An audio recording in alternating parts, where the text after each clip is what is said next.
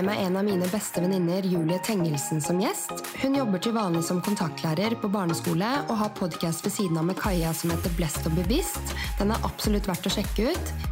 Høsten 2022 fikk Julie ett år permisjon fra jobben for å dra på livets reise, og i episoden prater vi om hvordan det var å reise bort når man har møtt noen man har forelsket seg i her hjemme i Norge, og selvfølgelig snakker vi om hvilke refleksjoner hun kom hjem med etter å ha reist alene på andre siden av jorda i tre måneder.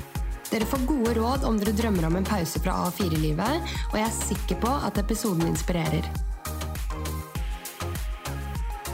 Du har vært på tur, og Eh, jeg gleder meg skikkelig til å høre eh, om hele reisen din. Jeg har jo hørt litt, men eh, det er jo noe med det å ta et valg og faktisk bare ta permisjon fra jobben. og Planen din mm. var jo å være borte et år, var det ikke det? Jo, eller egentlig et halvt år. Så er det noe jeg alltid har tenkt på at du er ferdig å utdanne deg. Du startet, eller Jeg hadde et friår, og så studerer jeg i fire år, og så skal jeg liksom begynne å jobbe.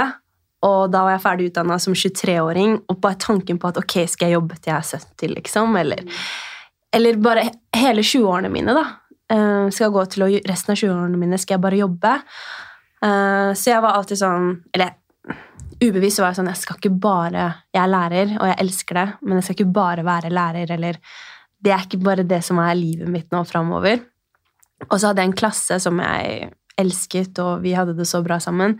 Men jeg tenkte, selv, tenkte, og sa til meg selv at når jeg er ferdig med den klassen her, og jeg har gjort midt i den klassen her, så vil jeg gjøre noe annet. Og jeg visste ikke hva noe annet var, men det ble jo også korona, na, na, na, mye som skjedde, men det var en timing alltid, så hadde jeg det i fire år, fra første til fjerde. Hadde de litt i femte også, men da var jeg sånn Ok, nå skal jeg ta et halvt år og bare reise. Jeg har spart penger. Jeg har skaffet meg leilighet, som er en sykt god trygghet å ha. Um, som jeg fikk seg i koronatiden. Og det å bare ja, ha litt ekstra penger på kontoen og vite at dette her er en investering i meg selv. Det er bare meg å tenke på. Du har jo to engler, men uh, jeg har jo bare meg selv å tenke på, og jeg har lyst til å bruke de på å leve livet. Mm. og ha det gøy og utfordre meg selv, gå utenfor komfortsonen og lære og egentlig bare utvikle meg. da. Mm. Så da spurte jeg ledelsen på jobb, og jeg gruet meg fordi jeg vet det er mye lærermangel, og jeg vet at det er eh, vanskelig å få tak i gode lærere. Ikke at jeg skal skryte på meg det, men eh, eh at det er et stort behov, da. Og jeg vet jo at klassen min også er veldig glad i meg, jeg er veldig glad i dem, og det å skulle si ha det når du Jeg kunne på en måte klart å få det i ett år til. Mm. Og så um, Ja, men så var jeg bare sånn Ok, nå jeg, blir jeg 28. Nå må jeg Det er to år til jeg er 30, på en måte. Ja. Let's go. Mm. Så jeg spurte min nærmeste leder om jeg kunne få et halvt år bare fri til jul. Mm. Men så viste det seg at hun hadde reist, og det hadde gitt henne så mye, så hun sa Ta fri til sommeren, ta ettårspermisjon. Det er alltid jobb til deg her. Du kan komme tilbake når du vil. Um, men det er bedre at du har for lenge fri og ikke er tvunget til å være her 1. januar, på en måte, enn at du plutselig er et eller annet sted i verden hvor du ikke har lyst til å eh, dra hjem, da, og så må du tilbake til jobb. på en måte. Fy søren, det var jo dritbra. Jeg tror ikke jeg har fått med meg at det var lederen din som rådet deg til å ta ett år, da. Nei, det var det faktisk. Og det viste seg jo at det var eh, ganske lurt. Ja, ja. 100% For nå er vi jo i, i slutten av januar, i hvert fall. ja, men hva var det som trigga at du, eller trigga den reiselysten. Nå har du jo vært litt inne på det, at du er 28, mm. eh, du vil lære, oppleve, reise, mm. men Jo. Ja, ja det den reiselysten Jeg har jo alltid på en måte vært glad i et eventyr og likt å reise, og har reist ganske mange steder, men du vet, en helgetur der, en uke der. Eh, så bodde jeg jo i Australia, som vi sikkert har nevnt tidligere, men hvor jeg følte at jeg reiste på feil eh, Nei, jeg reiste, det Australia var veldig er jo stedet hvor folk drar for å finne seg selv. og Fant du deg selv da? Nei. Nei, ah, nei jo da. Men, Men det var en sykt bra reise for meg, og det gjorde det var Det var starten på den reisen innover, den som vi snakker veldig mye om i Blest og bevisst. Og eh, det er en katalysator for veldig mange traumer og healing for meg. da. Men jeg hadde veldig mye hjemmelengsel, og jeg følte ikke at jeg fikk maksa opplevelsen sånn som jeg ønsket, selv om jeg opplevde sykt mye kult. Reiste mange steder, Bali, la, la, la. Men jeg hadde bare den der liksom, tunge hjertet med meg. skjønner du? Ikke mm. den derre Å, livet jeg elsker livet. Den, mm. den, var ikke med meg. Det var som en, liksom en, sånn grå sky over meg mens jeg så alle disse fantastiske stedene. Og da mm. ser du jo en, gjennom en linse som er blurry. Ja, ja, ja. Um, Men i dette tilfellet så hadde du jo møtt en fyr en god stund før du skulle dra. Nå? Denne ja, reisen her? Denne ja. reisen. Ja. Eh, og dere har jo bygd opp eh, noe veldig bra sammen. Mm. Eh, hvordan var det å på en måte vite at du skal reise, og så begynner du å forelske deg? Uff. Ja, fordi det er jo det her med at livet skjer. Og man kan ikke forutse ting. Og med, med eksen min så var det en spiral som gikk i en loop i nesten ti år, ikke sant? Eh, så jeg egentlig Jeg har vært singel veldig lenge. Og jeg har ikke forelsket meg eller noe i den duren. Jeg har liksom hatt litt sånn, ok, et lite crush der, kanskje, men aldri egentlig Du er sånn, Sikkert veldig mange kan kjenne seg igjen i bare Jeg kommer aldri til å føle noe igjen. Jeg, jeg er good alene. Men jeg sa ganske tidlig til deg at med denne fyren du møter nå, ja. så så jeg at du begynte å skinne. Mm. Og du har faktisk ikke skint på Hva heter det? Skint? Ja, strålt. på, stråla på den måten. Du, det har ikke vært noe glow rundt deg, nei. Du har glowa med venninnene dine, på en måte, men eh, ikke når det kommer til den kjærlighetsbiten. Da. Mm. Og det er jeg som kjenner deg såpass godt, har sett tydelig forskjell der. Ja, det er Så, sint at du sier, egentlig. Ja, men Det er sånn oppriktig at jeg ser at du skinner. Man kan se på vennene sine når de faktisk eh, gløder og er forelska. Og det kunne man se på deg, da, for å si det sånn. Men eh, syns du det var vanskelig å vite at nå skal du dra med han i bildet, eller eh, skulle ikke det mm. stoppe deg? Nei, jeg var ganske tidlig på at det skulle ikke stoppe meg, men selvfølgelig, det gjorde jo ting veldig mye annerledes. Eh, så man kan tenke på sånn å, det var kjipt og typisk og dårlig timing og sånt, men jeg tror ikke på det. Jeg tror virkelig på at det skjer til riktig tid, og når det skal skje. Og akkurat når jeg på en måte bestemmer meg for å reise, så er det sånn Å, da skal du finne en kar som du, Og du har hatt seks år nå hvor det ikke har vært noe, basically. Eh, men jeg bestemte meg i februar i fjor og på at jeg skal reise etter sommeren. Og så møtte jeg han, og jeg tror jeg snakka litt med han. så det var sånn, vi hadde jo chatta litt, liksom. Men jeg møtte han ikke før i slutten av mars, starten av april. Og da tenkte jeg jo fortsatt sånn Jeg skal reise. Det er jo ikke noe altså Det er bare hyggelig med en, eh, en person, på en måte.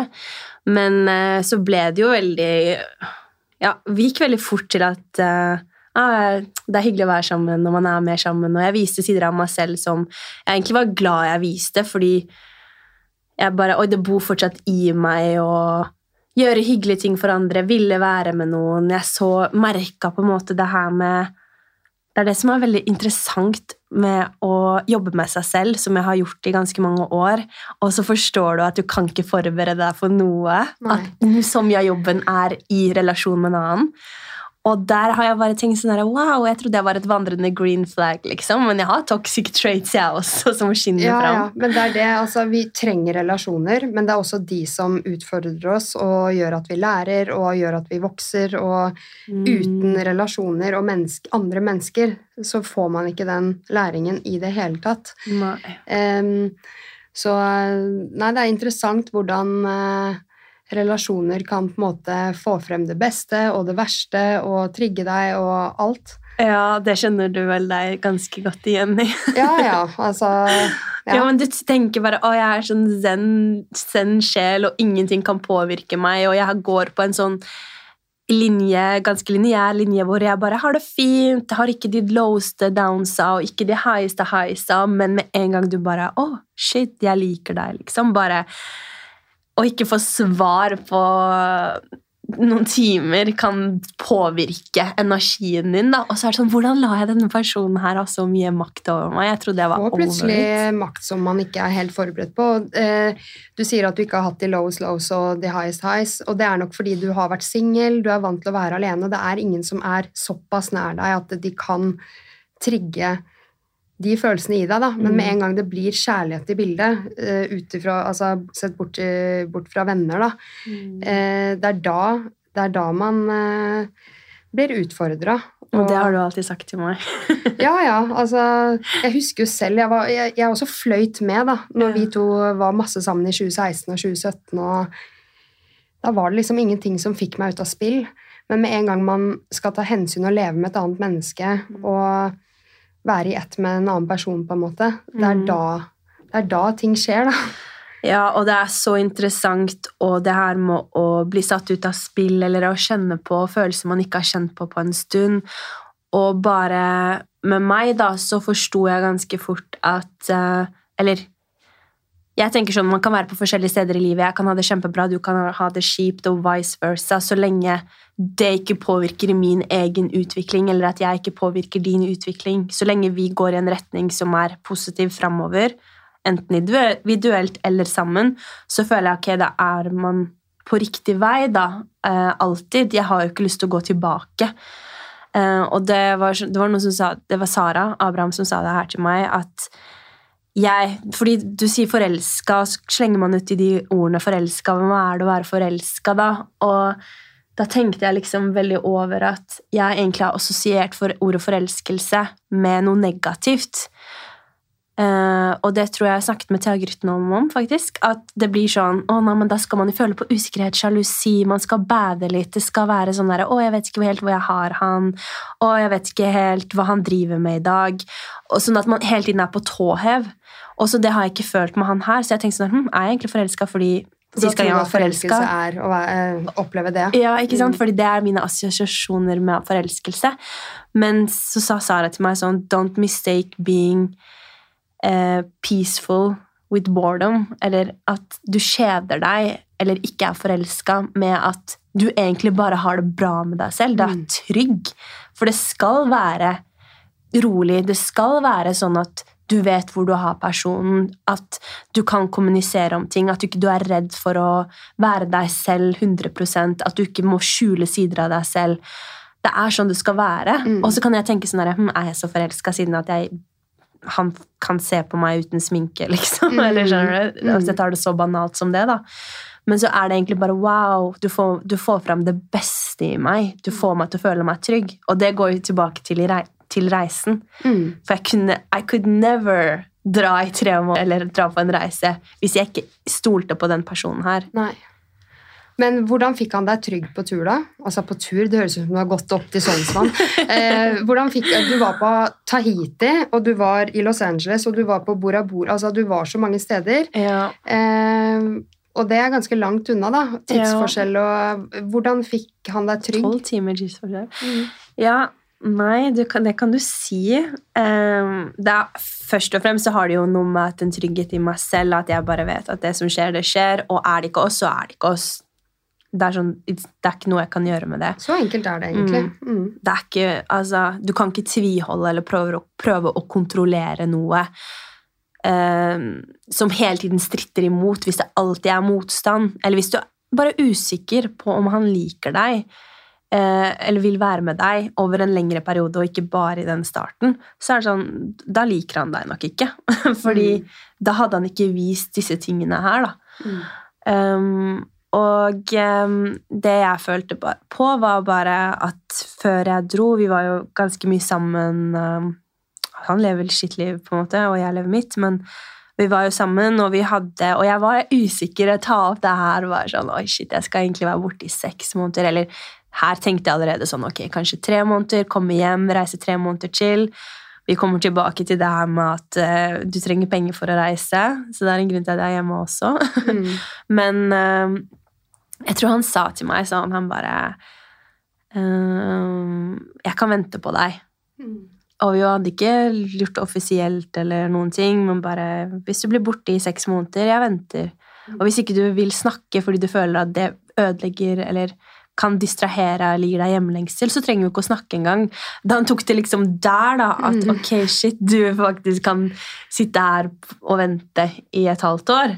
Det er jo en enorm trygghet for meg Mm, å du, vite. Du stolte på det? Jeg stolte på det, eller jeg tenkte sånn mm, jeg, jeg, Vi får se, da. Mm. Uh, men så var jeg sånn Ok, hvis du er villig til det, da trenger du ikke engang å si at du liker meg. Da liker du meg jo. Mm. Eller da ser, du jo, da ser du jo på dette her som noe som kan vare, eller noe som potensielt vil være en uh, langsiktig ting, da. Mm. Så øh, det var egentlig bare samtalen vi hadde. At ok, vil jeg hooke med noen eller være med noen, så sier jeg fra om det. Vil han det her hjemme i Oslo, så sier han fra om det. Og så er det det, og da må jeg jo bare akseptere ok, men da var det ikke oss. Mm.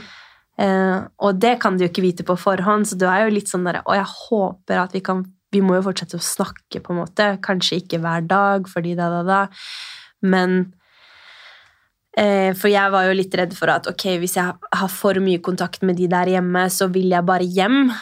Men eh, jeg snakka masse med de der hjemme, og fikk ikke lyst til å dra hjem av den grunn. Nei, men når man er på reise, så møter man jo mange mennesker, da. Og du reiste jo alene stort sett, og eh, da er det jo på en måte både kvinner og menn man møter på sin vei. Ja, Mm, 50 føler du, av befolkningen er menn, så ja, føler du at eh, eh, du ble testa noen gang når det kom til eh, den eh, kjærligheten du egentlig hadde for han hjemme? Ja, testa det, det, var noen, det var en test i forhold til at uh, du møter gutter, du snakker med gutter, og du har kanskje ikke kommunisert hva som er grensene dine, og hva som er grensene mine. Så det var på Tahiti der en situasjon hvor jeg tenkte sånn Wow, nå blir vi bedre kjent, fordi dette har vi jo ikke snakket om. Jeg har bare antatt at du vet dette om meg, og jeg har antatt at det er greit for deg, fordi vi har jo rukket å bli kjent fra april til eh, dro i oktober, da. Eh, og Mener vi- du da åpenhet og sånn? At han, du har antatt at han vet at du er en åpen person? Ja, Mm. Uh, at jeg fort egentlig kan, kan bli bro med gutter og venner med gutter og eh, har alltid egentlig hatt guttevenner, da. Uh, og jentevenner, selvfølgelig, men at det ikke har det, det, Altså, ikke misforstå, ikke misforstå meg som er snill, med, at, med meg som flørter. Mm. Og jeg føler at gutter kan kanskje gjøre det, og da er det kanskje jeg som må se innover og bare Ok, hva er det jeg fremst liksom utstråler her? Mens jeg kanskje har vært litt naiv på at nei, nei, han ser på meg også som en av gutta, liksom. Det er sånn, Jeg har ikke vist noen tegn til at jeg er interessert i deg. Mm. Uh, men så ser gutter ofte på det som sånn, bare det at hun sier ja til å være med på dette. Da er hun interessert, eller syns jeg er kjekk, da. Mm. Men sånn tenker jo ikke jeg i det hele tatt. Det jeg syns er synd, er at man føler ofte at man må fortelle om at man har snakka med det motsatte kjønn. Mm. Og ja. kanskje han du møtte på Tahiti, hadde et lite ønske om at det skulle utvikle seg til noe annet, men du tenkte jo ikke det, fordi du hadde en hjemme her i Norge, og eh, du også er en veldig åpen person, og det, det jeg setter veldig pris på i mitt eget forhold, er at eh, Gard da, har akseptert den delen av meg eh, da vi ble sammen. Ja. Så, Men visste du det, da? At han hadde akseptert det? At han, vis, han visste om den siden av deg hvor du er jo veldig sånn som kan sitte og snakke med en kar i to timer og bare om sex og livet og Ja. alt? Han har nok eh, vent seg til det på veien, Mm. men jeg har aldri følt at han begrenser meg i å være meg selv, egentlig. Og så har jeg spurt innimellom sånn For jeg er jo veldig åpen og forteller ting, om det er en DM, eller om det er Du, i dag lunsja jeg med en i to timer, en eh, mann, eller Uansett, da. Eh, og han er bare sånn eh, Så har jeg spurt sånn eh, Jeg føler egentlig ikke jeg trenger å si det, men jeg håper ikke du føler noe rundt det. Han bare Tina, jeg visste hva jeg ble sammen med når jeg valgte deg, og det går helt fint. Altså, Og ja, Gard og jeg har hatt mange krangler opp igjennom, men Mm. eh, vi snakket om det her om dagen, faktisk. At det har aldri handlet om det motsatte kjønn. Alle våre krangler har handlet om oss eller andre ting, ikke eh, jenter og gutter. Og det, det er nytt for meg, da. Ja. Ja, det er ganske bra, egentlig. Eller, at det, eller det er jo en utvikling i riktig retning, fordi veldig ofte så handler det jo om bare at det er ubehagelig eller sjalusi eller usikkerhet eller Ja. Men jeg føler jo på at det som er at jeg liker jo han her så godt, da, at for meg å snakke med en gutt eller være med på ting gutter er med på det blir, sånn, det blir som å henge med nesten venninner, og jeg skjønner at det kan høres litt naivt ut av og til, men da blir det til at ok, hvis du, du initierer da at ok, nei, men jeg vil noe mer, jeg syns du er deilig, og jeg har lyst til å gjøre andre ting med deg, da kan ikke vi møtes igjen, fordi da er ikke vi på samme page i det hele tatt. Nei. Da har ikke jeg noe mer med deg å gjøre. Og jeg er, veldig, jeg er jo veldig lojal i, i meg selv og vet hvor grensene mine går. Så handler det da om, da, har jeg skjønt, med en partner å vite ja, men ok, grensene mine er én ting, men jeg må også respektere hans grenser. Jeg må respektere at han syns det her er ubehagelig eller ukomfortabelt. Mm.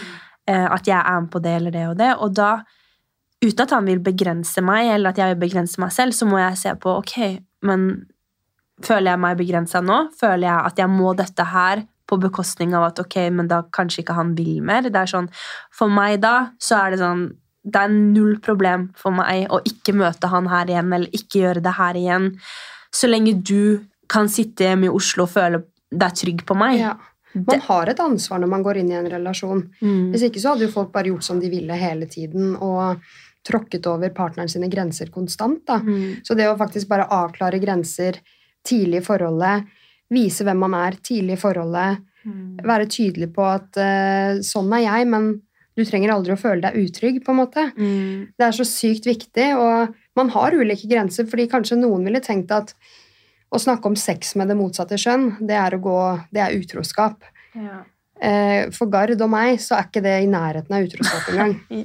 Det samme med porno. Altså, for meg er ikke porno utroskap. Nei. Jeg vet at Gard ser på det, på en måte, Ja. men så kjenner jeg folk som ser på det som utroskap. Så Ja. man er så forskjellig, og da er det viktig å bare avklare grenser.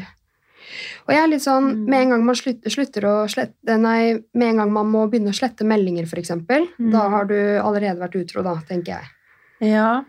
ja. Eh, så jeg, jeg er litt tydelig på det med utroskap og sånn, men Mm. eh, ja, Det vet vi. Ja, det tror jeg mange har fått med seg. Men eh, jeg har absolutt ikke noe bånd på Gard. Jeg merker at han gjør meg veldig eh, trygg. Da. Nå har vi vært sammen i fem år. Og nå er han på guttetur på Beitostølen, og hver gang han er på gutteturer eller blåtur, så er jeg bare sånn chill hjemme. Jeg er Ja. i zen-mode. Ja. Jeg sitter ikke som et nervevrak og lurer på om han sitter ved siden av en jente på et utested. Og, Og hvis han gjør det, ja vel. folk kan misforstå det med at å, men da liker du ham bare ikke godt nok. Er ikke det sykt? At det er du som bare er det, har det trygt og godt og stoler på mannen din. Kan folk andre, eller jeg tidligere tenke på å ja, men kanskje da bare er jeg ikke nok forelska, siden jeg ikke bryr meg om hva han gjør. Men så er det bare harmoni inni Ja, deg ja. Og så snakket jeg med en sexolog og parterapeut forrige uke. Mm. Og Sissel Gran også er jo veldig tydelig på dette, hun eh, parterapeuten, at eh, det å trigge begjæret i oss lite grann, at en annen klarer å trigge det i oss, det er ikke farlig. Så hvis du er på reise, og en annen klarer å trigge det begjæret i deg, Ja. eh, så kan du bruke det til noe godt og ta det med inn i relasjonen du er i med han hjemme. da. Det er Eh, uten å gå over en grense, men mer det at eh, du får komplimenter, for eksempel, eller du Mm. ser at han gjerne skulle gjort noe mer med deg, så er det på en måte, det trigger noe i deg, men du stopper der. Mm. Og det er sunt for oss mennesker at vi blir bekreftet av noen andre. da. Ja. Ja, ja men, men jeg er fortsatt i den, på det punktet i livet at jeg driter i om andre bekrefter meg på den måten akkurat nå. Nå vil jeg, jeg vil bare ha bekreftelse fra den personen. da.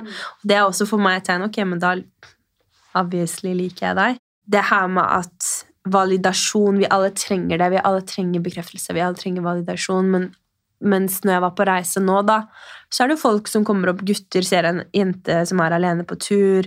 Costa Rica, jeg ble kjent med mange gutter, hang med en gutt som jeg ble god venn med, som sikkert kunne tenke seg Hvis jeg sa 'jeg er game', så, så Men for han respekterte jo at jeg var med en annen. Han hørte hvor mye jeg snakka med han her andre. Eh, og han likte personligheten min nok da, til å fortsatt ville være med meg uten å prøve seg. Hadde han prøvd seg, så hadde jeg ikke snakket med han igjen dagen etterpå. skjønner du? Så det handler om det her med at ok, jeg er tydelig på hvor jeg er, hva jeg vil med å bli kjent med deg. Eh, og vil du noe mer, så Enten så får du ikke si det, eller så får du bare akseptere at det kommer ikke til å skje. da. Syns du den reisen du var på, har styrka relasjonen med typen din?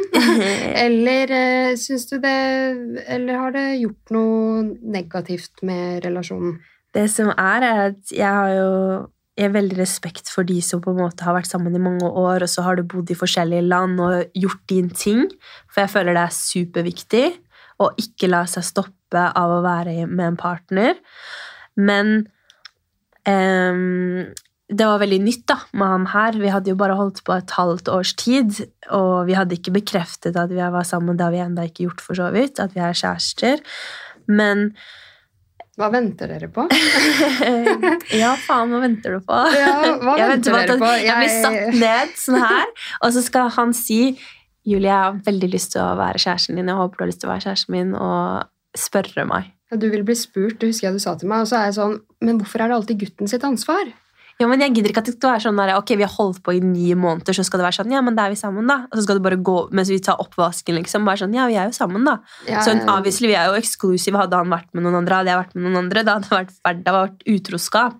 Hadde jeg bare kysset en gutt på kinnet på reise, så føler jeg at ok, det det er er utro, kjempefristende å kysse fremmede på kino. det er noe man ofte Ja. vil. Kjempe, det var så fint shit. Altså, det er så dårlig eksempel. Da. Det er bare sånn, ja, Hvem er det som går og kysser folk på kinnet? altså, det klarer jeg fint å stå over. For å være det, det er ikke det jeg savner med å være singel.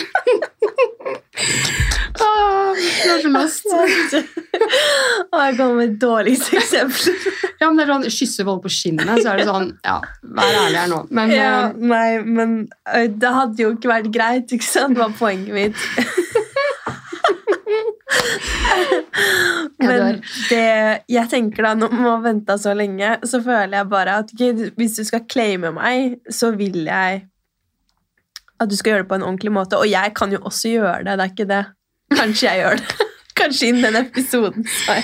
jeg bare så for meg deg nå stå og kysse en random på kinnet. Det var bare Herregud. Men um, Ja, syns du det var utfordrende på tur, eller eh, eh, vi hadde mye FaceTime-sex. Ja, dere hadde det. det. Det er bra du er ærlig om, fordi jeg føler det er med på å holde en gnist. Ja. Når man er så lenge fra hverandre og er vant Mm. til å liksom møtes flere ganger i uka, Mm, og så skal man være borte fra hverandre i tre-fire måneder, ja. eh, hvis man da skal kunne savne hverandre og eh, lengte etter hverandre, så trenger man å se hverandre. Og jeg syns FaceTime-sex er kjempebra. Sånn holdt Mm. Gard jeg også på i hele reisen min i Zambia. Ja, da var ikke dere heller offisielle, Nei, dette Så var rett jo før vi ble sammen. Usikker. Ja, Ja. også. Vi har jo vært egentlig gjennom ganske mange like scenarioer, du og jeg. da. Vi Mm. ble singel på samme tidspunkt, i 2016. Mm. Og vi eh, har begge opplevd utroskap. Og eh, vi har vært på Vi reise 90 andre.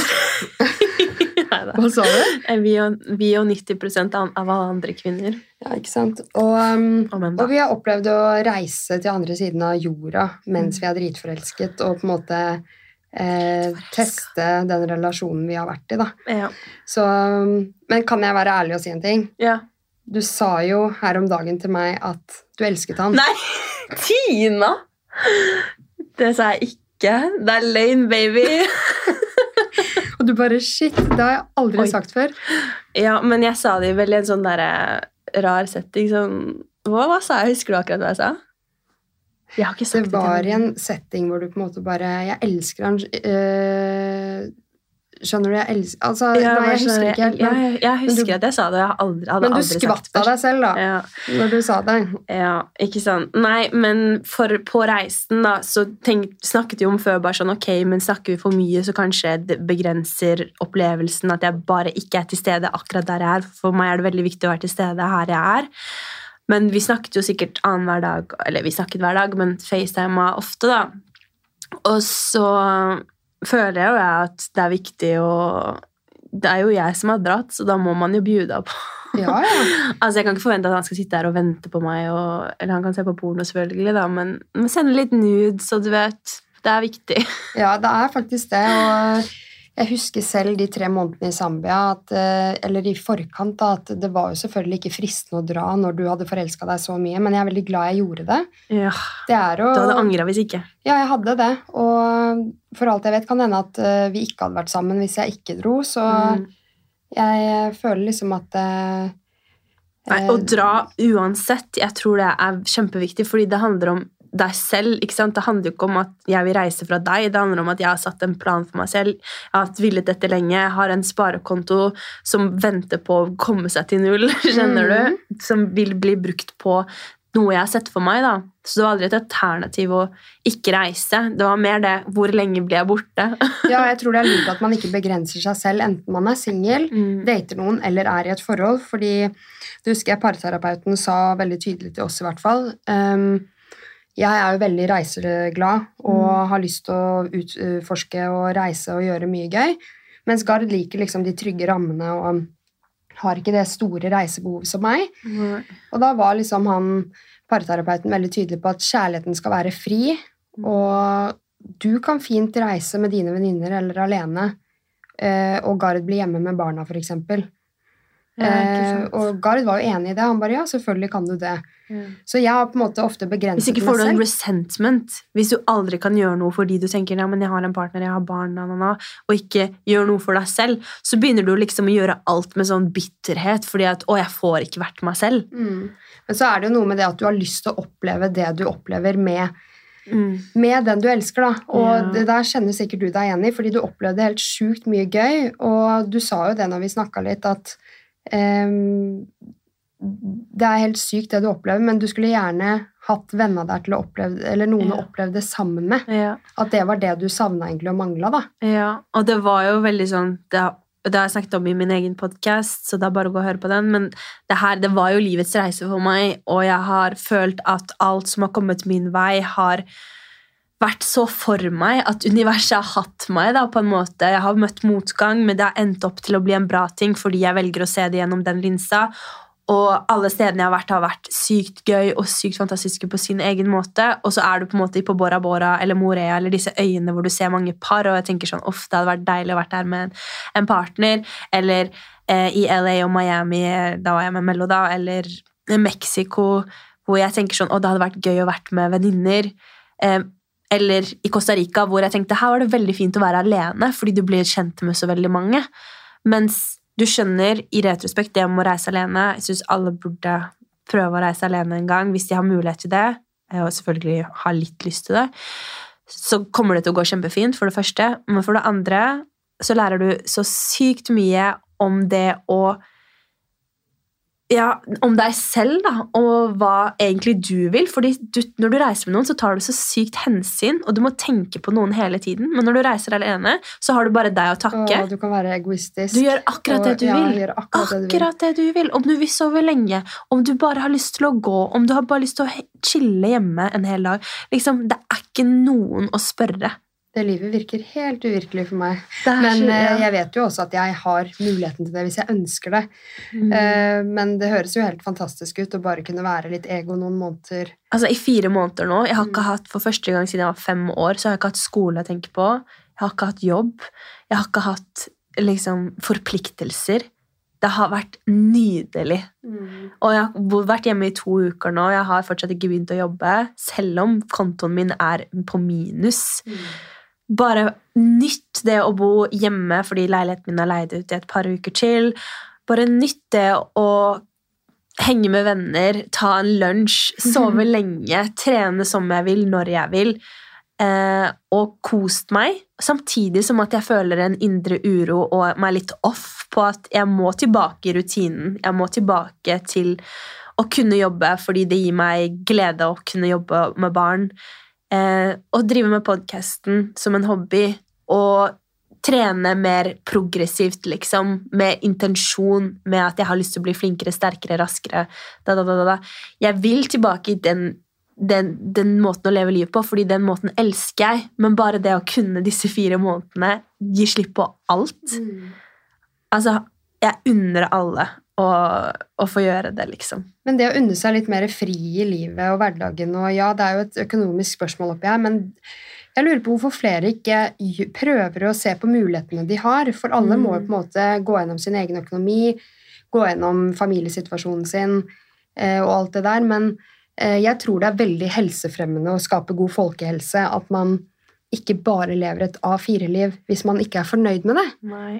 Og lytte til eh, Eller man kan bli så blind på hva samfunnet forventer av deg, og hva slags normer som er blitt skapt rundt det å jobbe det åtte til fire, da, eller det å spise det til middag, se på nyheter liksom Alt det der va vanlige gåseøynene som Det er greit hvis du elsker det, men elsker du egentlig det? Eller er det fordi samfunnet har fått deg til å bestemme at ok, men sånn må du leve livet ditt?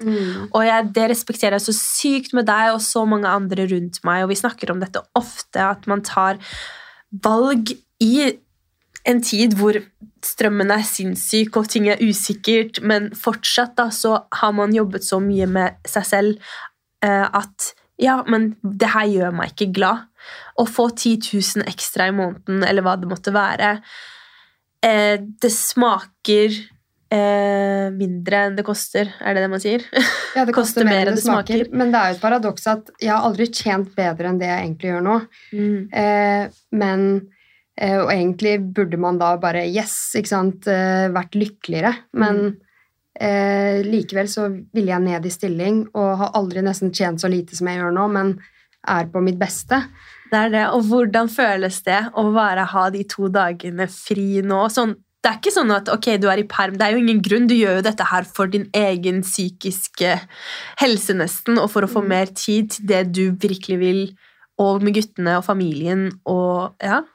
Ja, altså, jeg var ikke på et dårlig sted når jeg tok det valget, og jeg tror bare at det, Eller jeg, jeg kjente at det, ehm, når man, Særlig for barn så ruller dagene i samme mønster ofte. Mandag til fredag, og så helg, og så en gang til, og så ukene flyr. Og jeg følte liksom at eh, Ok, eh, jeg ser barna mine sykt lite.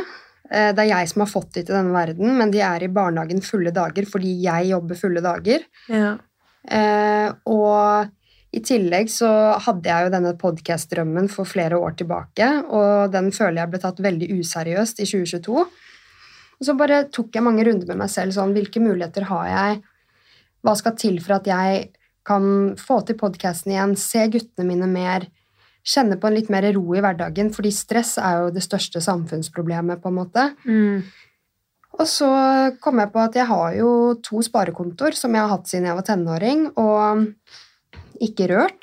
Eh, Jeg vet ikke om jeg lever om fem år, eller om jeg dør i morgen, og da tenker jeg at eh, ja, det er lurt å tenke noen år fram i tid, og særlig i helseperspektivet, men å være litt i nuet også og ta gode valg for seg selv her og nå, det tror jeg er veldig lurt, fordi det er ikke sikkert at du lever om fem år når den sparekontoen egentlig kanskje burde blitt åpna. Så det er jo den kontoen som trekker mitt lån da, i noen Mm. måneder fremover nå, og det gjør det mulig for meg å eh, kunne tjene litt mindre, da. Ja, men det er akkurat det, og det er jo det vi er jo privilegert med at vi har den kontoen, da, eller at vi har kunnet spare penger, fordi noen lever fra hånd til munn, noen har ikke de mulighetene, men hvis du har det, da, så er det sånn, hva er vits med å sitte på alle de, de pengene, da, som du sier, uten å eller hva, hva venter du på? Hva venter du på hvis du har lyst til å gjøre noe, noe nå? Investere i deg selv. Du har spart de pengene. Ha god, bruk dem med god samvittighet, tenker nå jeg. Sånn, jeg har også alltid jobbet. Jeg har alltid visst at jeg må jobbe, selv om ikke jeg har likt det jeg har gjort, fordi jeg trenger penger til å gjøre det jeg vil. Jeg liker å reise, liker å unne meg ting her og der.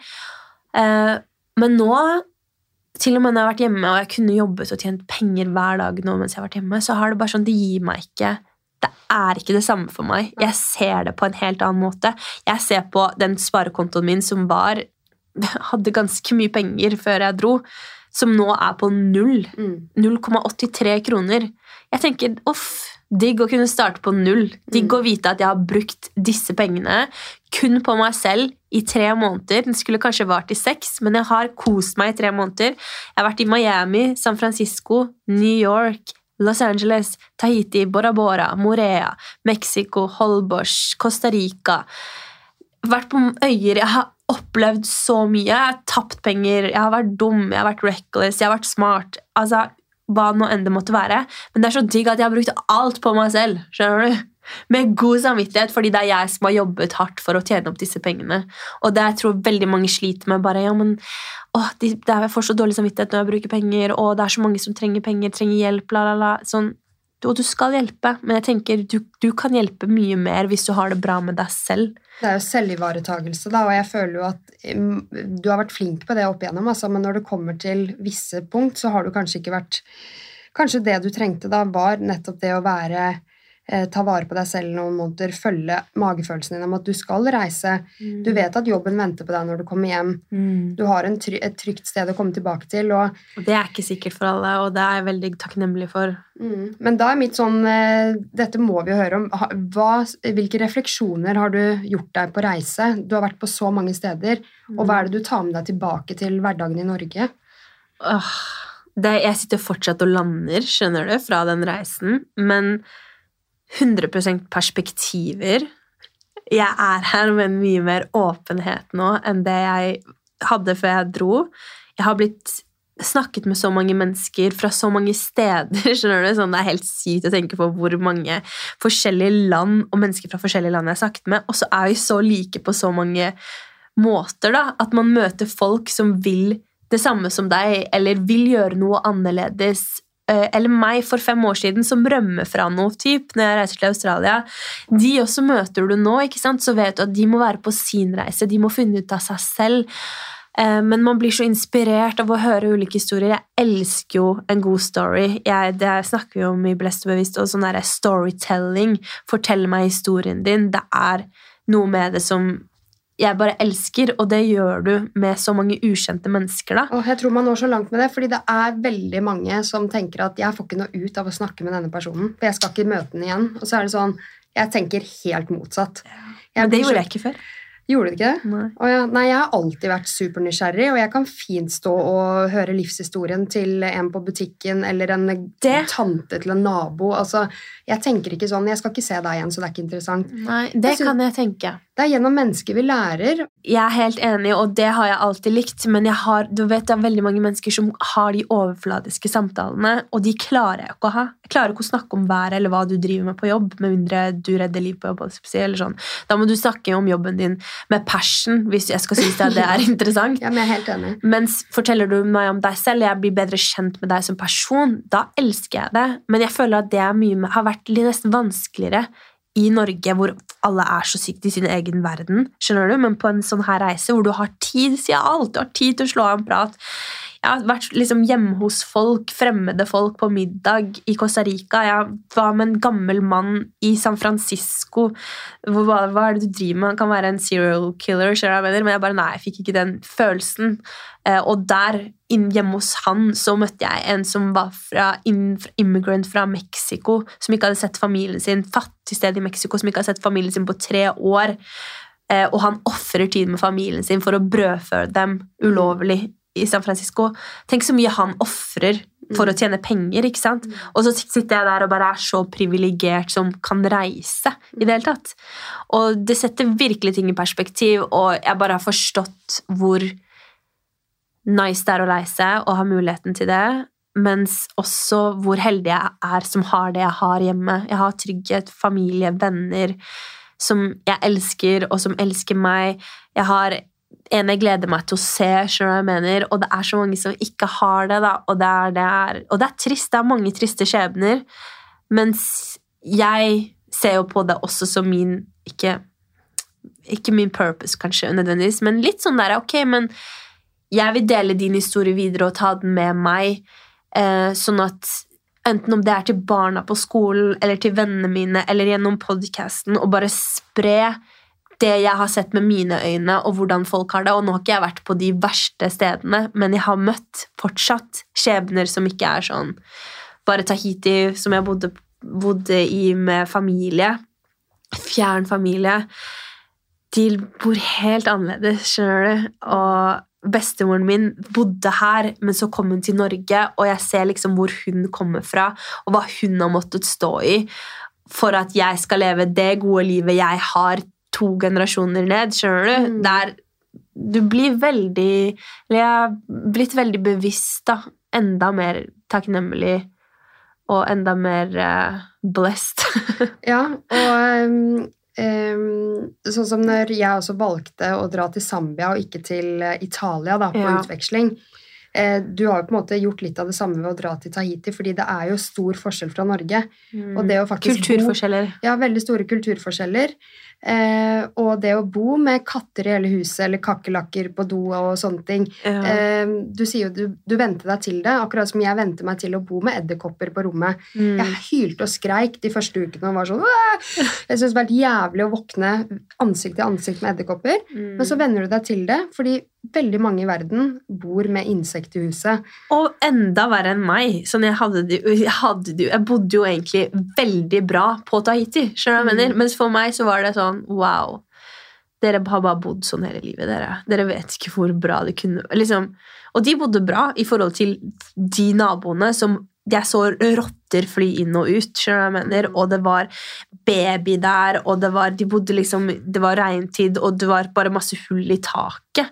Og de hadde gærne hunder som det virka som skulle drepe meg hver gang jeg fikk forbi. Jeg kan bli litt sånn Når folk legger ut at de er på reise og liksom skal finne seg sjæl, sånn, så Mm. drar jo folk til veldig trygge steder, egentlig. Eh, men jeg føler jo at hvis man velger å dra til noe som er helt stikk motsatt fra Norge, det er da du får perspektiv, da. Ja, ja, jeg har Eh, reist mye i Europa. Jeg er skjønner ikke hvordan man kan få perspektiv i Paris, hvis du skjønner hva jeg mener. Altså, jeg sier ikke at Det er sikkert en inspirerende by, jeg har faktisk ikke vært der. Jeg, men jeg skjønner ikke helt hvordan man skal få det eh, perspektivet på hvor heldig man er hvis man bare drar til steder som eh, eh, Ja. ja, er fashion og glam. ja. Og Ja, nei, da. da, da, jeg føler ikke du drar dit for perspektivet. Og jeg, visste, jeg dro jo Intensjonen min med Tahiti og franske Polynesia det var jo for å se røttene mine, hvor jeg kommer fra. Mens du ser jo på en måte Jeg får den der kulturforskjellen, da, og den setter jeg veldig pris på. Den hadde fikk jeg jo ikke i Miami med Melody, hvor det var eh, bare god stemning. Skjønner du? Mens også perspektiv. Jeg tror du kan få veldig perspektiv bare av å reise alene. At det er den derre Uansett hvor du drar, nesten, men dra alene. Bare sitt med deg selv, dine egne tanker. Tving deg selv utenfor den komfortsonen til å snakke med mennesker. Være åpen med mennesker. Stille spørsmål til mennesker. Være nysgjerrig på mennesker. Det kan gi deg veldig mye perspektiv, fordi det er de som jeg tenker Wow, du har ting på plass, ass. Og så bare wow, du forteller meg den historien. Jeg, jeg, jeg hadde aldri visst dette her om deg. Hadde jeg ikke spurt. Nei. Og det er det her som Det er det som er så fint med å være nysgjerrig på mennesker. Og jeg hadde en psykolog i studio tidligere i dag hvor vi snakket om nettopp det med at vi mennesker er egentlig veldig like i bunn og grunn. Mm. Men vi har veldig mye forutinntatte holdninger til hverandre. Vi dømmer ut ifra titler og det vi ser på sosiale medier, hva vi har på oss, hvordan vi kler oss. Eh, Og så vet man egentlig så lite om hverandre, men vi er egentlig veldig like.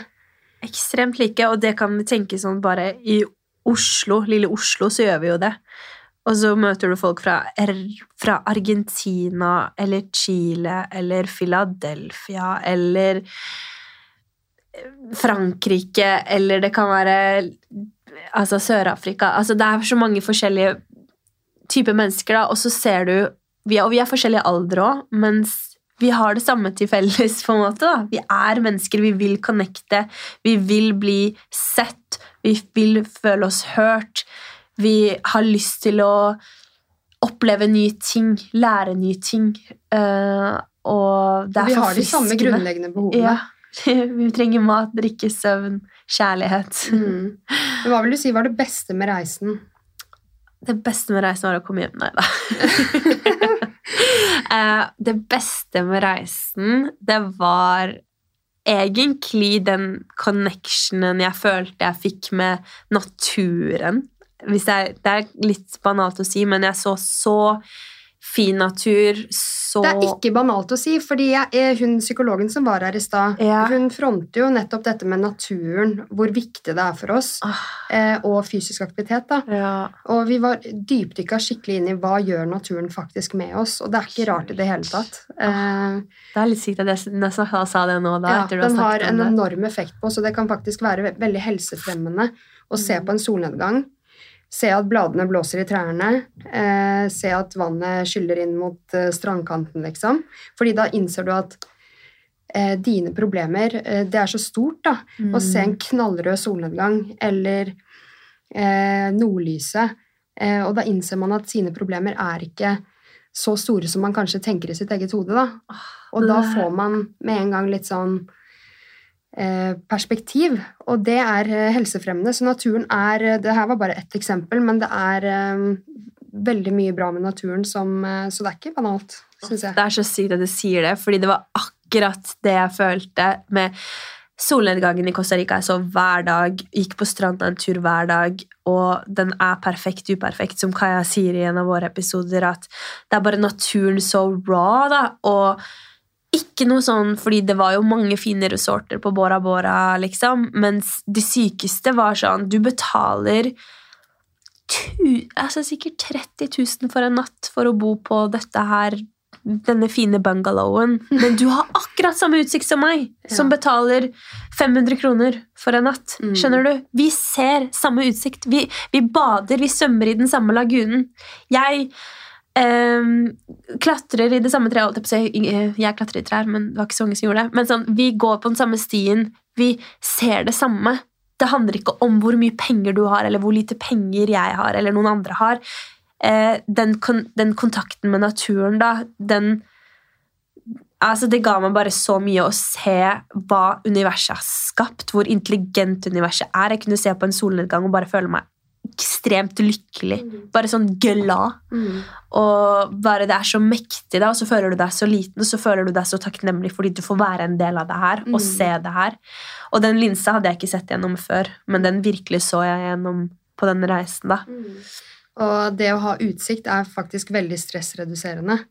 Og stress over lang tid med høyt kortisol, og det, eh, det senkes ved at man har utsikt eller eh, sånne ting. Da. Og sant? da sitter han som har betalt 30 000 eh, ved siden av deg, og så bor du på et hostell, og så ser dere egentlig på det samme som du sier. Ja. Men kanskje du har til og med mye mindre stress enn Ja, ja, ja, jeg tror, fordi jeg tror det. Det handler om liksom ditt bevissthetsnivå, da. Og ja, han kan se at det er en fin utsikt, liksom, og ta et lite bilde, og så ser, sjekker han nyhetene. Mens jeg kan bare se på den og bare Wow, det her er bedre enn alle filmer jeg har sett, liksom. Egentlig. Jeg sitter i det, og jeg får oppleve det, da. Og ha tiden til det, fordi jeg skal ikke opp tidlig i morgen på jobb. du? Sånn, jeg kan se på den i morgen også. og ja, jeg bare hadde en sånn syk zen, og jeg kjente det på hele meg at kroppen min var i ro. Sånn, bare det her med å bli kjent med seg selv, også seksuelt, faktisk. Fordi jeg vet du også, det her med seksuell helse er jo viktig for deg og denne podkasten her. Ja. Alltid. Men bare det å um, At i hverdagen da, så kan tankekjøret være så sykt på hele tiden. Og når jeg var på reise nå, så var det som om det bare det var rolig. Og da var det lettere å liksom komme da, av seg selv uten å på en måte bli distrahert av andre ting. Du hadde ikke med deg leketøy? Ingenting leketøy, bare meg selv, bare kroppen min. Og jeg har aldri klart det hjemme i Norge. Liksom Da jeg alltid måtte distrahere meg med et eller annet. Mens nå var det bare sånn der, bare det å se på naturen, utsikten, bare føle at liksom sånn der, ok, jeg ikke, trenger ikke å dusje hver dag, og bra å være litt svett. Og Ja. bare være liksom meg selv. Mm. Uperfekt. Liksom, når jeg sminket meg, så følte jeg bare sånn Wow, er det her meg? Jeg ser jo rar ut. Fordi du er så vant til bare å gå og være helt naturlig. Um, Føler du at du ble tryggere i deg selv seksuelt? At du kom hjem med en bedre seksuell selvtillit, eller har den liksom vært der nå en god stund? Off, den jobber jeg fortsatt med, men ja. 100% bedre seksuell selvtillit. Eh, ja, det, det, det, det føler jeg. Men samtidig så er det jo Ja. Jeg vet, jeg vet ikke ennå. Har nettopp kommet hjem, og man, det er jo lett å bare være åh, kjempeglad for å møte hverandre. Ja, ja, herregud. Og jeg husker den følelsen av å komme hjem etter en lang tur hvor man ikke har sett hverandre og vært nær hverandre. Det er nesten litt sånn rart. Men og, nærhet er nesten det man savner mest, fordi det har jeg ikke visst før jeg møtte han her, liksom hvor, hvor egentlig kjærlighetsspråket mitt er 100 physical touch. Jeg elsker jo egentlig å bare bli holdt rundt og klemme. Jeg har aldri vært en klemmer, det vet du, Tina. Aldri likt å du gir de klemme. verste klemmene. Jeg- Du stanger som en sånn okse inn i kinnet og bare sånn hei. Men jeg, jeg skjønner hva du mener, for jeg, jeg, er ikke så klemmeperson, jeg heller. Jeg tror jeg har lurt meg selv til at det er jeg. Men med venner er og sånn, ligge og snuske og ta hverandre i håret og sånn, jeg har aldri hatt noe behov for det. Vannene til hverandre. Ja, det, liksom, det har ikke jeg stort behov for, da. Nei, men jeg har alt, aldri egentlig hatt det med liksom en, en Excel, eller holdt jeg på å si. Det er sånn derre jeg har alltid også assosiert kos. Ok, koser du meg, det betyr nå skal vi ha sex. Mens nå koser han med meg. Han vil bare kose med meg. Og det er så Mm. deilig å bare vite at ok, du bare har lyst til å kose med meg. Du bare syns jeg lukter godt, liksom. Ja. Du har lyst til å holde rundt meg. Det er kjempekoselig. da. Jeg setter pris på det. Og jeg, det har faktisk gjort at jeg har blitt litt mer kosete med venner også. Mm. Sånn, eh, Det går bra om Kai har lyst til å klemme meg, eller du og Tina, hvis du vil. Nei takk. Jo da, jo da. Jeg, jeg er jo Ja. Men eh, hva er det liksom du oppriktig vil implementere i ditt liv her i Norge fra ting du opplevde på tur? På tur. På, rei ja. på reisen Ok, det jeg kommer til å implementere, er at må, det å fortsette å lytte til meg selv. Hvis jeg har lyst til å ta meg en tur til, eller som du sier, gå ned i stilling hvis det er mulig, hvis det, økonomien tillater meg det, eller bare gjøre noe helt annet utenom det vanlige, så kommer jeg til å tillate meg selv det. Og eh, det er så mye jeg egentlig føler at jeg har tatt med meg, men som jeg egentlig ikke vet at jeg har tatt med meg ennå, fordi hverdagen min har på en måte ikke begynt. Men det er det at jeg, jeg er ikke ment for Og jeg tror veldig mange ikke er det, men jeg er ikke ment til å bare leve dette her eh, work hard, rise, grind and hustle-mode. eh, Hvor jeg skal få til, gjøre, gjøre, gjøre, få til så mye hver dag. Jeg er en som bare liker å slappe av. Jeg er ambisiøs i den måten at jeg vil alltid utvikle meg selv. Jeg liker å ha mål. Jeg liker å føle at jeg er frisk, at jeg er sterk. Men jeg liker bare å ha tid. Skjønner du? Tiden til å være med venner, og tiden til å være med de jeg er glad i. og um, jeg kommer aldri Hvis det er en dag jeg gruer meg til, å, til jobben min, så slutter jeg. Da skal jeg gjøre noe annet. Jeg kommer ikke til å bli stuck i noe som ikke får meg til å føle meg bra, fordi jeg vet Jeg har følt meg så bra, og det er den følelsen jeg vil leve med resten av livet. Og jeg vet at det skal være tunge perioder og dårlige tider, men det skal ikke være på bekostning av at jeg blir i noe jeg egentlig ikke må bli i, bare fordi at jeg føler at jeg må det, eller Det er sånn Lytte til seg selv, da. Det er så bra, og det er så mange som blir i jobber de egentlig ikke trives i. Men det er viktig å huske på at de, eh, alle jobberfaringer og livserfaringer har overføringsverdi til å hoppe over til noe annet hvis man ønsker det. Ja. Så du er jo kontaktlærer i bunn, og du har podcasten, som også er masse jobb. Selv om ikke det på en måte er lønna, så er det det som Det er jo minst like mye jobb på en måte. Eh, Ja. og ved å gjøre litt forskjellige ting og prøve ut forskjellige ting og ikke være så redd for å bytte eller eh, eh, teste ut noe nytt, så eh, merker man at veien blir til mens man går. Mm. Og det er den beste følelsen. Å ikke låse seg til noe. Vi er, jo, vi er jo det, du og jeg i hvert fall, og vi er litt sånn humming, hummingbirds. Eh, som bare liker å prøve nye ting og ta lærdom der og ta det med oss til et nytt sted. Og det er greit. Du må ikke være en som har den passionen 'jeg skal bli leder der', eller skal bli det', eller 'skal bli det'. Det er sånn, Jeg vil gjøre så mye i livet. Akkurat nå liker jeg å være lærer, jeg trives med det. Jeg tenkte på det jeg var på Deichmanske her om dagen. Jeg bare, off, Det hadde vært kjempegøy å jobbe på biblioteket på skolen. tenker Jeg Jeg elsker å lese. og altså, tenker Jeg sånn der, jeg elsker å skrive. Jeg skriver, skrevet mye dagbok, jeg skriver masse dikt. Elsker å lage. Det vil jeg ta, kanskje implementere et annet, et annet sted i livet. Um, Podkasten, kanskje den har en enda lenger framtid. Sånn, jeg vil bare ikke Jeg er ikke stuck i at ok, men jeg har lærerutdanninga, så jeg må være lærer. Det er bare sånn, det er kjempebonus, men man kan bruke den grunnleggende, sånn som du har sykepleierutdanninga, til å bare få til så mye mer. Ja, ja, ja. Og du, du, får jo den kreativiteten din ut som lærer, og det er det, du er litt sånn moderne lærer. Fordi du, du, du er ikke den typiske kontaktlæreren som man hadde på 90-2000-tallet. Eh, kan ikke du dele noe av hvordan du de, jobber med elevene dine? Uh, en sånn typisk ting som kanskje ikke alle andre lærere ville gjort, da, men som du har gjort med dine elever? Mm, ja, jeg er veldig mye med altså sånn, For meg så blir klassen min et lag, skjønner du, og jeg er med. Jeg er kanskje laglederen skjønner du, eller kapteinen, men jeg skal være med å spille. Så det jeg føler at jeg som gjør at elevene mine også liker meg, da, at vi har bygd en god relasjon, um, til at jeg egentlig er, går jo veldig ung og uvitende inn.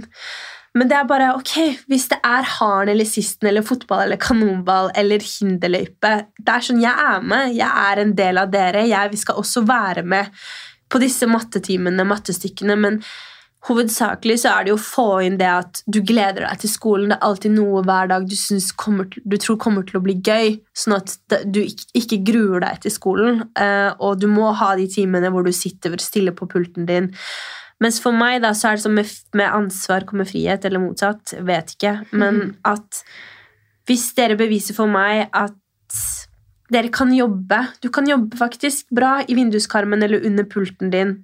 Gjør det. Mm. Ute i gangen. Gjør det. Du skal få gjøre det, men da skal du bevise for meg at du gjør det du skal. Og det er jo den tilliten jeg gir, og kan få tilbake. Så jeg føler bare det har funket veldig godt for meg å, å, ta med meg barna. De kan lære meg like mye som jeg lærer dem.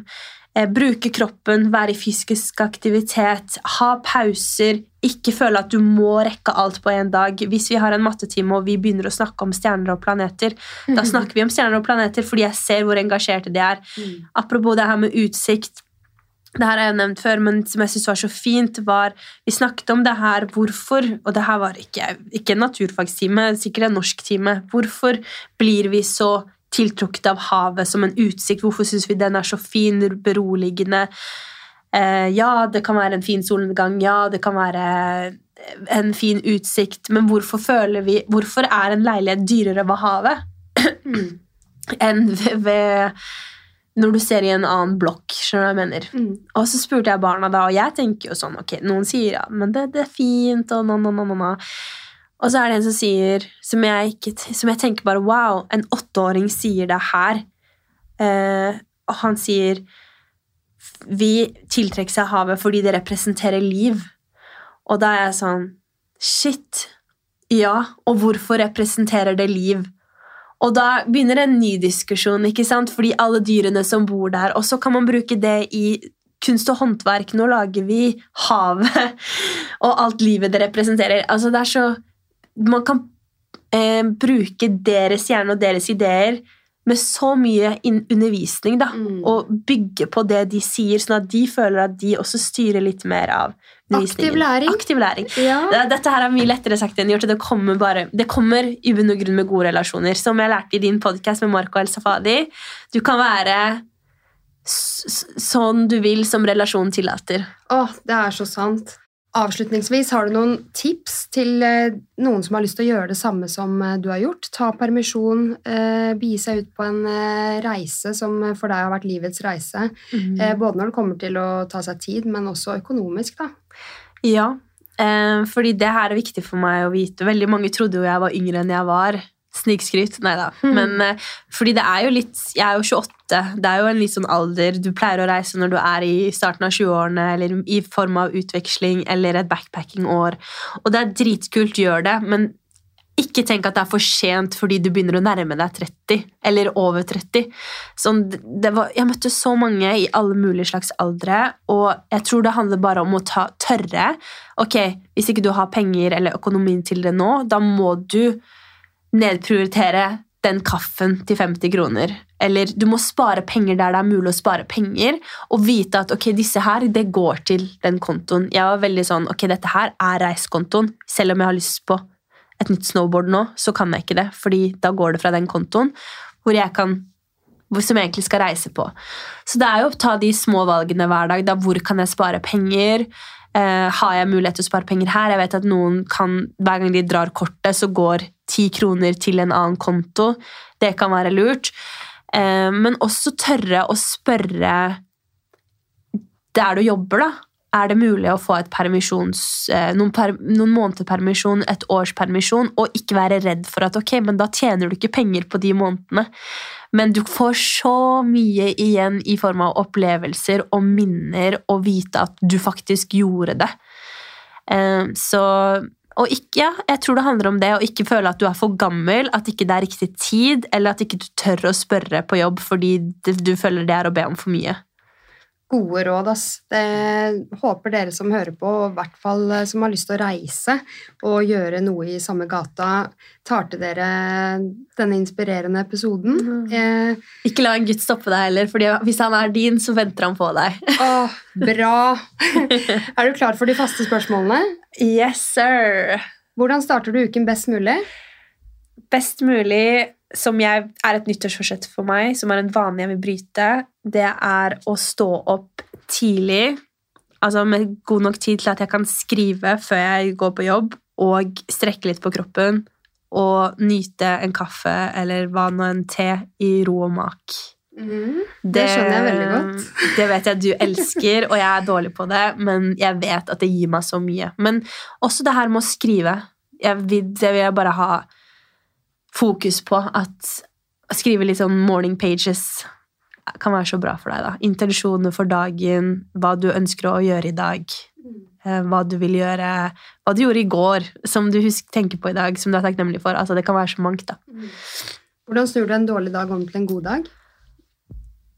Jeg vet at har jeg trent i dag, så er det en god dag. Og eh, jeg går ofte hjem og tenker ok, dette her var en ræva time, men var det en dårlig dag? Det var ting i dag som, være, som var bra. Eh, jeg bare vet at jeg må gjøre noe for meg selv da, for at eh, den dagen skal bli bra. Om jeg ikke har trent, så er det å gå og trene. Om det kanskje er å gå en tur, stikke og bade, møte en venn, mm, høre på musikk, inspirerende podkast, tegne litt. Hva er du takknemlig for? At jeg puster og er frisk. Fordi helsa, uten den er du ingenting. Åh, det er så sant. Hva inspirerer deg? Vennene mine. Åh! Meg også? Ja, 100 deg også. Det er min største inspirasjon, og jeg blir sånn wow. Jeg må være jævlig bra menneske som har så bra mennesker i livet mitt.